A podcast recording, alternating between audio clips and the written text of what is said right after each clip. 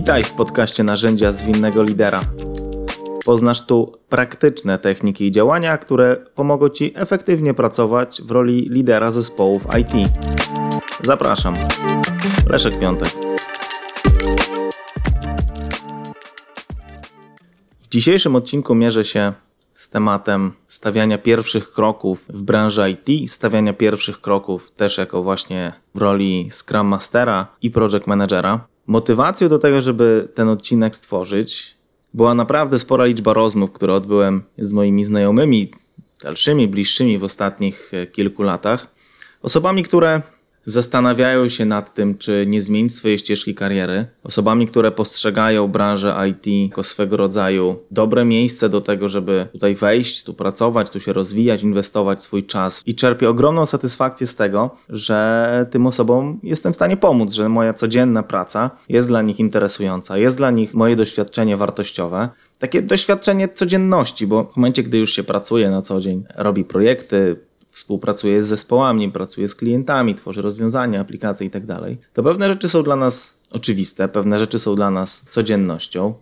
I nagranie tego odcinka jest y, dla mnie takim narzędziem do tego, żeby po pierwsze dotrzeć do większej ilości osób, żeby mógł pomóc nie tylko kilku, kilkunastu moim znajomym, czy kilkudziesięciu nawet, natomiast żeby mogła z tego skorzystać większa ilość osób, żebyście wy, jeżeli jesteście liderami, Scrum Masterami, Project Managerami już w branży, mogli ten odcinek komuś przesłać, kto mógłby z niego skorzystać. E, mam być może nawet wam pomoże uporządkować takie myśli, które przekazujecie osobom, które was o tego typu rzeczy pytają, bo zakładam, że nie jestem jedyny.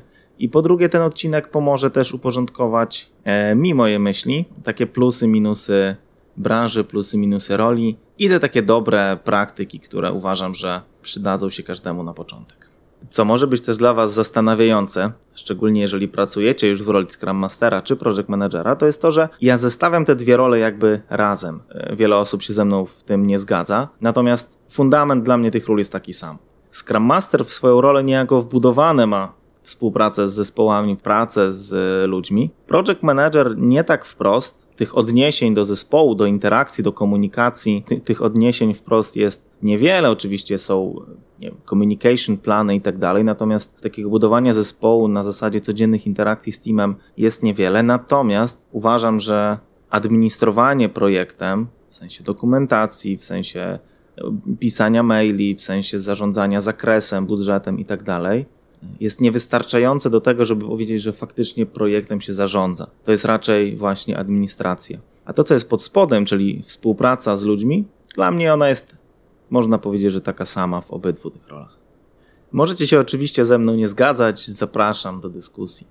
Początkowo planowałem, żeby to był jeden odcinek, mówiący o tym właśnie, o plusach, minusach branży IT, żeby podjąć taką świadomą decyzję, czy w ogóle chcę tu wchodzić. O tym, jak może wyglądać taka ścieżka od pomysłu aż do pierwszych rozmów rekrutacyjnych i takie dobre rady właśnie na same rozmowy, na sam proces rekrutacyjny. Natomiast tak jak słyszycie, już mam to w głowie poukładane, że to będą trzy odcinki prowadzące od takiego pierwszego pomysłu, że chcę wejść do branży IT przez eksplorację ról, aż do, no właśnie, rozmów i dostania, mam nadzieję, pierwszej pracy jako project manager, jako scrum master, być może w jakiejś jeszcze innej roli. Więc zapraszam dziś na pierwszy odcinek, który mówi o tym, czy w ogóle jest sens wchodzić do branży IT.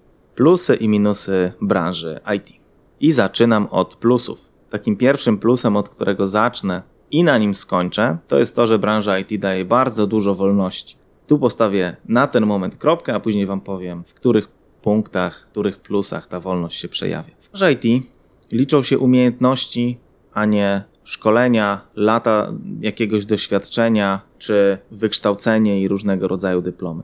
Oczywiście, że pewnych umiejętności nie da się nabyć, nie mając praktyki, czyli te lata doświadczenia finalnie mają znaczenie. Natomiast lata doświadczenia których inwestujemy mądrze w swoje umiejętności. Wielokrotnie widziałem osoby, które naprawdę rok w rok nabywają nowe doświadczenia, mają nowe projekty, mają nowe wyzwania, pracują z nowymi ludźmi, pracują w nowych technologiach. Jakby oni proaktywnie tym zarządzają, proaktywnie zarządzają swoją ścieżką kariery, tak, żeby iść w jakimś konkretnym kierunku, osiągać jakieś konkretne rezultaty. Z drugiej strony widziałem też osoby, które mają 10 lat doświadczenia w branży, natomiast faktycznie jest to rok doświadczenia powtórzony 10 razy.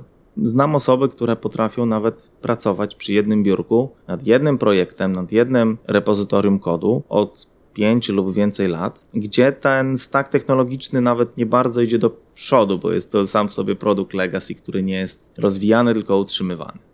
Lata doświadczenia latom doświadczenia nierówne. I też, żeby było jasne, nie oceniam, czy osoby, które się rozwijają i cały czas idą do przodu swoimi umiejętnościami i doświadczeniami, są lepsze, a te będące, można powiedzieć, pracują w jednym stabilnym miejscu, są gorsze. Absolutnie nie. Każdy ma swoją ścieżkę, każdy ma swoje potrzeby. Natomiast to, co się liczy na rynku, jeśli chodzi o taką wartość przekładaną często na pieniądze, przekładaną często na możliwości, zmiany pracy i tak dalej, jest no właśnie doświadczenie, no trochę doświadczenie w takiej pracy właśnie w niepewności. Każdy nowy projekt, każda nowa technologia jest to e, okazja do nauki, ale już o tym będę mówił w innych podpunktach. Pierwszy plus branży IT jest to, że naprawdę liczą się umiejętności, a nie wykształcenie czy lata doświadczenia. Kolejnym plusem branży IT jest to, że naprawdę macie cały świat w zasięgu ręki. Praca zdalna, o której też jeszcze za chwilkę będę mówił, pozwala na to, że projekty, nad którymi pracujecie, i ludzie, z którymi pracujecie, mogą być naprawdę z każdego zakątka świata i też dotykające jakby dowolnej branży. To jest, wydaje mi się, że jedno z niewielu takich miejsc, mówię o, o branży IT, które dotyka każdej domeny, każdej, jakby każdego biznesu na świecie. W tym momencie zaryzykuję stwierdzenie, że każda średnia lub większa firma na świecie jest po części firmą IT. No bo jeżeli nawet produkujecie samochody, no to one jakby mają y, wbudowany cały szereg rozwiązań IT w siebie. Jeżeli pracujecie w firmie zajmującej się odwiertami w poszukiwaniu ropy naftowej, no to zgadnijcie, czy w tym momencie te odwierty są robione na podstawie jakichś pomiarów fizycznych, manualnych, czy tam pracują nad tym całe rzesze skomplikowanych algorytmów informatycznych pod spodem. Jeżeli pracujecie nawet w firmie, która produkuje, nie wiem, batony, które jecie, to ona ma pod spodem całą ogromną infrastrukturę informatyczną do zarządzania pracownikami, recepturami, cała administracja, faktury i tak dalej. To są systemy IT, więc każda firma dzisiaj na świecie jest firmą IT, a wy pracując w czystym IT, takim czystym mam, mam na myśli usługowym czy konsultingowym, możecie dotknąć, jeżeli pracujecie w branży, to doskonale wiecie o czym mówię, możecie dotknąć czasami w jednym roku czterech, pięciu, sześciu zupełnie różnych domen, zupełnie różnych biznesów, zupełnie różnych kultur i dowolnych, wielu dowolnych miejsc na świecie. Kolejny taki plus jest taki, że zazwyczaj robicie ciekawe, e, ciekawe nowe rzeczy. Co mam na myśli? Duża część projektów IT to są projekty odkrywcze, to są projekty innowacyjne, które mają za zadanie pomóc biznesowi wyprzedzić konkurencję. Wyprzedzenie konkurencji wiąże się często właśnie z wymyśleniem czegoś w lepszy sposób niż ta konkurencja robi. Dzięki temu okazuje się, że często faktycznie są to rzeczy naprawdę mega, mega ciekawe. Taki kolejny plus branży IT, taki już bardziej można powiedzieć pragmatyczny, a nie idealistyczny, jest taki, że jest naprawdę duże zapotrzebowanie na dobrych specjalistów. I jeżeli firma Wam nie odpowiada, jeżeli wartości w tej firmie Wam nie odpowiadają, albo nawet zarobki w tej firmie Wam nie odpowiadają, a jesteście dobrzy i tego doświadczenia trochę macie, stosunkowo łatwo jest zmienić firmę na inną, znaleźć pracodawcę, który będzie Wam odpowiadał. Po prostu jest na rynku duże zapotrzebowanie na dobrych specjalistów, a też sposób znajdowania pracy, przede wszystkim używając LinkedIna, o którym będę mówił więcej w drugim odcinku tej serii, jakby zmniejsza nakład taki, tak, takiego wysiłku na zmianę pracy naprawdę do bardzo niskich poziomów. Jest to naprawdę mega uproszczone. Dodając do tego jeszcze rekrutację, oczywiście w pełni zdalną. Kolejny plus branży IT jest taki, że można dość szybko dojść do naprawdę sensownych zarobków. Jest na ten temat bardzo wiele artykułów, nie będę tu wchodził w szczegóły. Polecę Wam tylko cztery linki. Jeśli chodzi o project managerów i scrum masterów na polskim rynku, to polecam raport y, Agile Adept, nazywa się SMATCH, Scrum Master Agile Coach, chyba zarobki, od takiego skrótu. Oczywiście wszystkie te linki będą też na dole odcinka. Możecie też sobie przejrzeć zarobki na wynagrodzenia.pl. Zarobki nie tylko w Polsce możecie przejrzeć na przykład Glassdoor, a same w sobie oferty pracy, już nie tylko zawierające widełki, ale też i zakres obowiązków, na przykład na Just Join IT lub innych tego typu portalach. Kolejny plus branży IT jest taki, że będziecie pracować w większości, czy też ja, może powiem na, na swoim przykładzie, ja miałem takie szczęście i mam cały czas, że pracuję naprawdę z mega, z mega kreatywnymi, z mega otwartymi, zmotywowanymi ludźmi wokół siebie. Przebywanie w innowacyjnym środowisku zaraża. Przebywanie z ludźmi, którzy chcą czegoś więcej, jest czymś absolutnie wspaniałym. Nawet jeżeli macie gorszy dzień, ale macie dobry zespół, no to naprawdę aż chce się, chce się pracować. No jest to też środowisko, wydaje mi się, takie, w którym e, ciężko jest się nudzić. I taki punkt na mojej liście, zaraz przed wolnością, do której wrócę, to jest praca zdalna, która jest w tym momencie standardem w absolutnej większości firm. Bardzo niewiele już jest firm na rynku, które wymagają 100% czasu, jakby pracy, obecności w biurze. Oczywiście część firm wciąż działa, czy wróciło, można powiedzieć, do modelu hybrydowego, gdzie raz na jakiś czas e, są spotkania w biurze, co jest swoją drogą naprawdę świetnym narzędziem, szczególnie właśnie dla project managerów czy scrum masterów do budowania zespołu. Natomiast standardem jest to, że większość pracy możecie, zazwyczaj nie musicie, wykonywać z domu. Mówię, zazwyczaj nie musicie, bo zdecydowana większość firm wciąż ma biura, te biura są otwarte. Czasem te biura wręcz świecą pustkami i pod kątem przestrzeni zachęcają, żeby do nich przyjść. Jeżeli świecą pustkami, to pewnie nie zachęcają pod kątem takiego spotykania się z drugim człowiekiem. Natomiast ta przestrzeń wciąż istnieje. Co jest naprawdę wspaniałe, to jest to, że to jest opcja, a nie, a nie nakaz. I no jest, to, jest to coś, co dla każdego człowieka znaczy co innego. To znaczy, jedna osoba powie, dla mnie najważniejsze w pracy zdalnej jest to, że oszczędza mnóstwo czasu na dojazdy. Druga osoba powie, że oszczędza pieniądze na, na tym, że nie musi się przemieszczać. Trzecia osoba znowu powie, że daje jej to ogromną wolność tego, że może sobie popracować w takich godzinach, które akurat do jej work-life balance najbardziej pasują. Praca zdalna jako standard branży IT jest czymś absolutnie wspaniałym i jest ogromnym plusem tej branży. Podsumowując, plusy branży IT i wracając do tej wolności, no to zobaczcie, że to, że jest duże zapotrzebowanie na rynku, daje Wam wolność do tego, że możecie wybierać miejsca pracy. Wybieranie miejsca pracy daje też wolność do tego, czy jest takim katalizatorem tego, że pracujecie z ludźmi, którzy potencjalnie wyznają takie same wartości jak Wy, dla których liczy się to, co ważne. Słyszałem niejednokrotnie historie takie, że ja nie chcę pracować z tymi ludźmi, ja wręcz brzydzę się tym, co robi moja firma, natomiast no nie bardzo mam opcję zmienić, mówię spoza branży IT. Z branży IT czegoś takiego znowu nie słyszałem. Natomiast ten popyt na rynku daje dużo przestrzeni do takiej właśnie wolności. Jest też wolność wyboru projektów, tego, w którą stronę chce się rozwijać. Tych ścieżek rozwoju jest naprawdę dużo. No a praca zdalna daje taką wolność tego, gdzie się mieszka i jak układa sobie nasz dzień, nasze generalnie życie.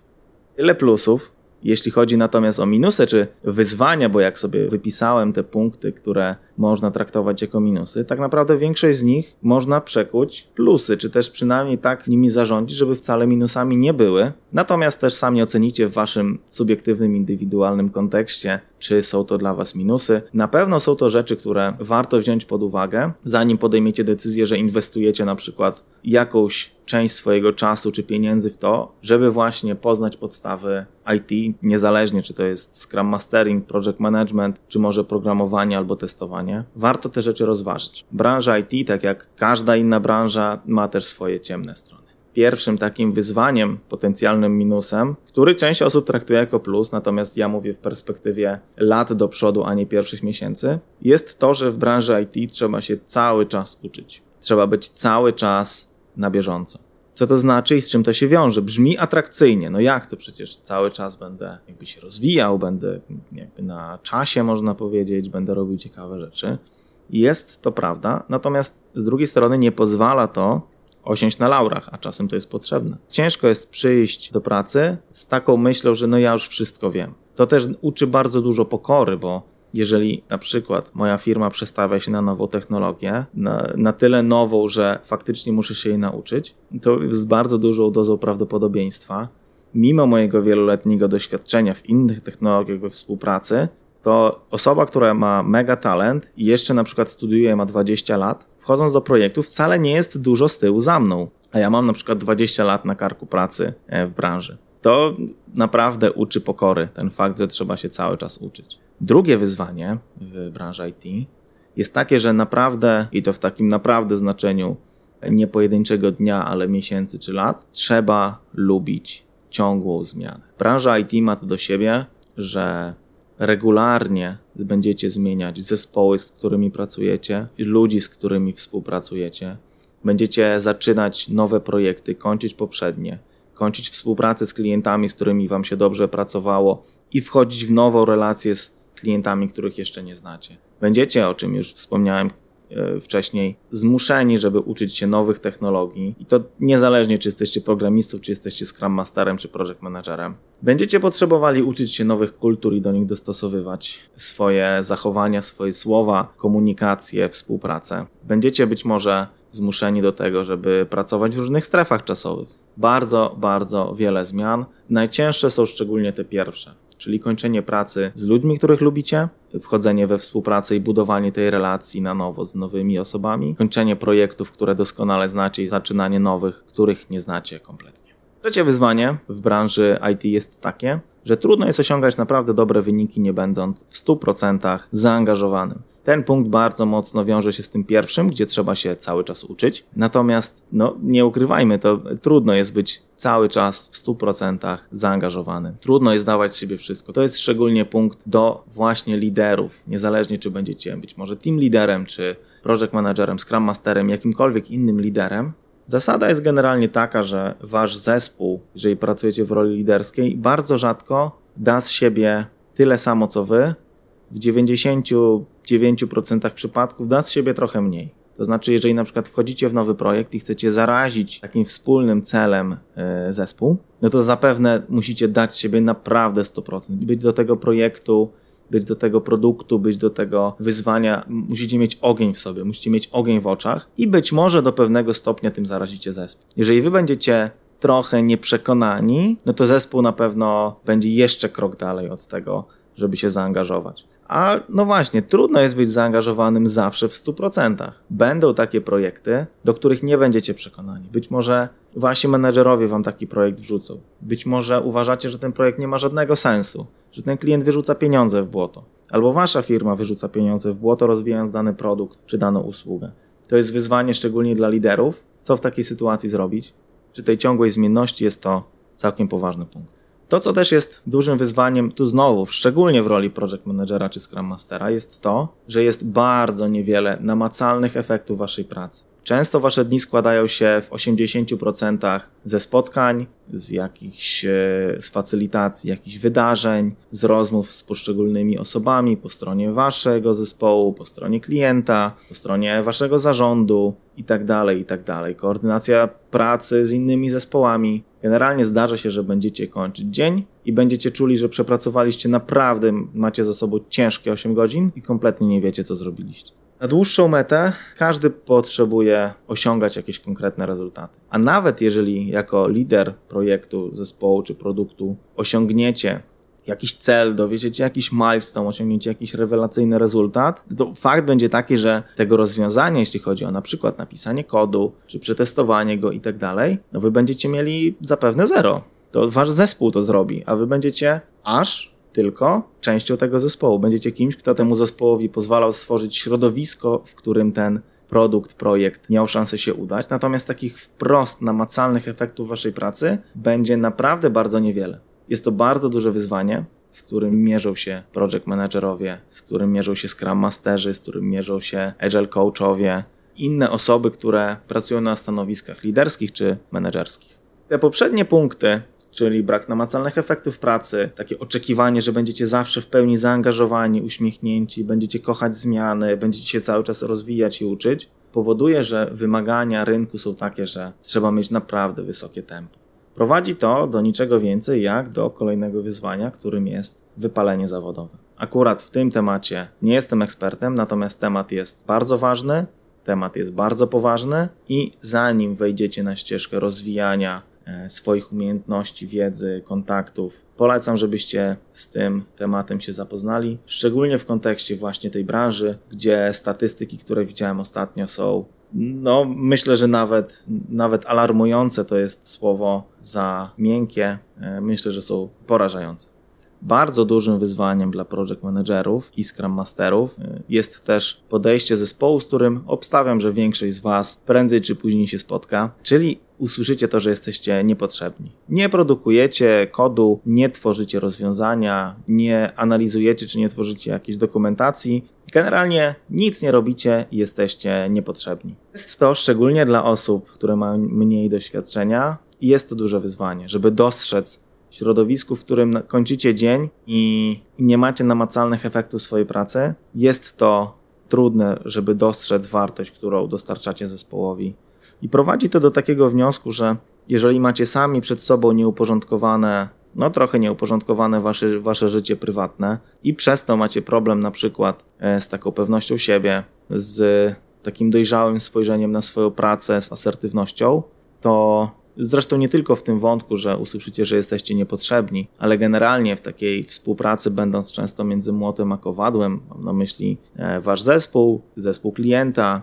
i organizację, zarząd waszych menedżerów, to bez takiego konkretnego poukładania sobie w głowie, kim ja jestem, co jest dla mnie ważne, jakby i że ja jestem kimś wartościowym, może wam być naprawdę trudno.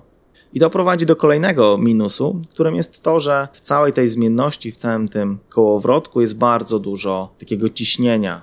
Ciśnienia na deadlines, ciśnienia na wyniki, ciśnienia na jakieś osiąganie jakichś konkretnych celów, co powoduje też jakby nie było dużo stresu, czy też środowisko jest, stres jest czymś subiektywnym oczywiście. Natomiast środowisko raczej sprzyja temu, że stres jest, niż żeby go zmniejszać, jeśli chodzi właśnie o projekty. Oczywiście tutaj możecie się ze mną zgadzać lub nie zgadzać, mówię do osób, które pracują w branży IT. Natomiast stres jest poważnym wyzwaniem. Mówię wyzwaniem, bo zarządzanie stresem i przekładanie stresu w ogóle na taką energię i na, na takie, można powiedzieć, traktowanie stresu jako motywator jest według mnie umiejętnością. Natomiast branża IT to nie jest e, zielona łączka z rosnącymi kwiatkami, które ktoś wam nazbiera i każdego dziesiątego dnia miesiąca przeleje na konto. Jest to branża pełna wyzwań, które sprzyjają temu, żeby ten stres się pojawiał. Kolejnym wyzwaniem, o którym znowu branża bardzo dużo mówi, naciska na to i często usłyszycie, że absolutnie wspiera, jest work-life balance. Bo z jednej strony dostaniecie jakieś budżety na to, żeby, nie wiem, chociażby pójść sobie na masaż, czy dostać personalnego trenera. Do tego jeszcze macie elastyczny kalendarz, z którym, w którym możecie sobie wbić gdzieś trening w trakcie dnia, zawieźć i odebrać dzieci. Macie jeszcze pracę zdalną, więc w ogóle wszystko macie na wyciągnięcie palca.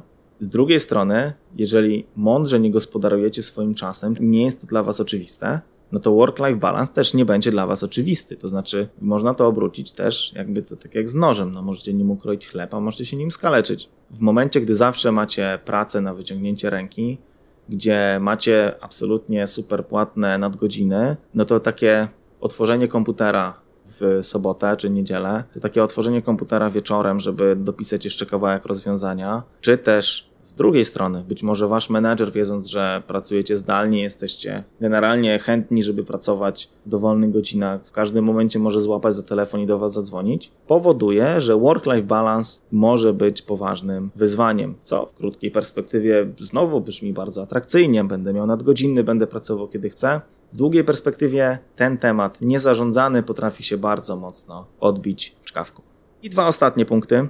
Pierwszy jest taki, że non-stop pracujecie przed komputerem. Oczywiście, znowu, możecie kupić super ergonomiczne krzesło, zainstalować sobie podnoszone biurko, pracować na stojąco, czy pracować nawet chodząc na bieżni. Możecie część spotkań w ogóle sobie odpalać na słuchawkach i spacerować po parku. Nie oszukujmy się, ponad 90% waszego czasu będziecie spędzać na siedząco, na fotelu, przed komputerem. Jest to, tak jak mówię, znowu, nie do końca jest to minus, jest to po prostu wyzwanie, jest to wyzwanie dla waszego zdrowia, dla waszego organizmu, dla waszych oczu i generalnie dla waszego całego ciała.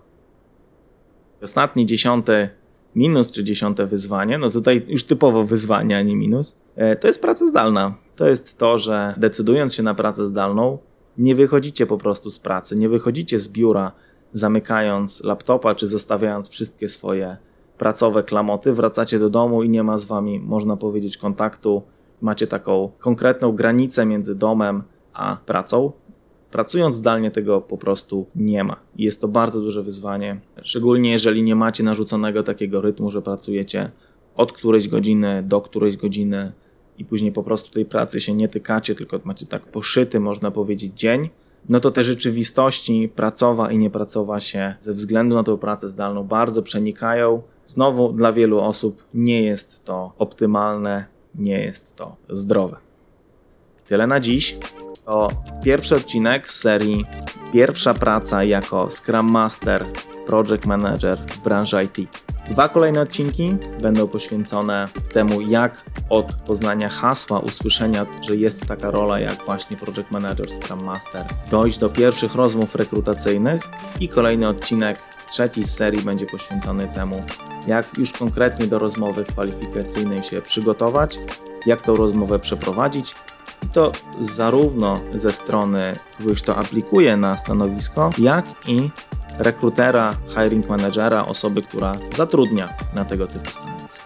Mam nadzieję, że ten odcinek przybliżył Wam nieco plusy, minusy, które od wewnątrz branży IT widać. Mam nadzieję, że pomoże Wam w tym, żeby podjąć decyzję, czy chcecie tu być, czy nie. Tyle na dziś. Dzięki i do usłyszenia w następnym odcinku. Cześć.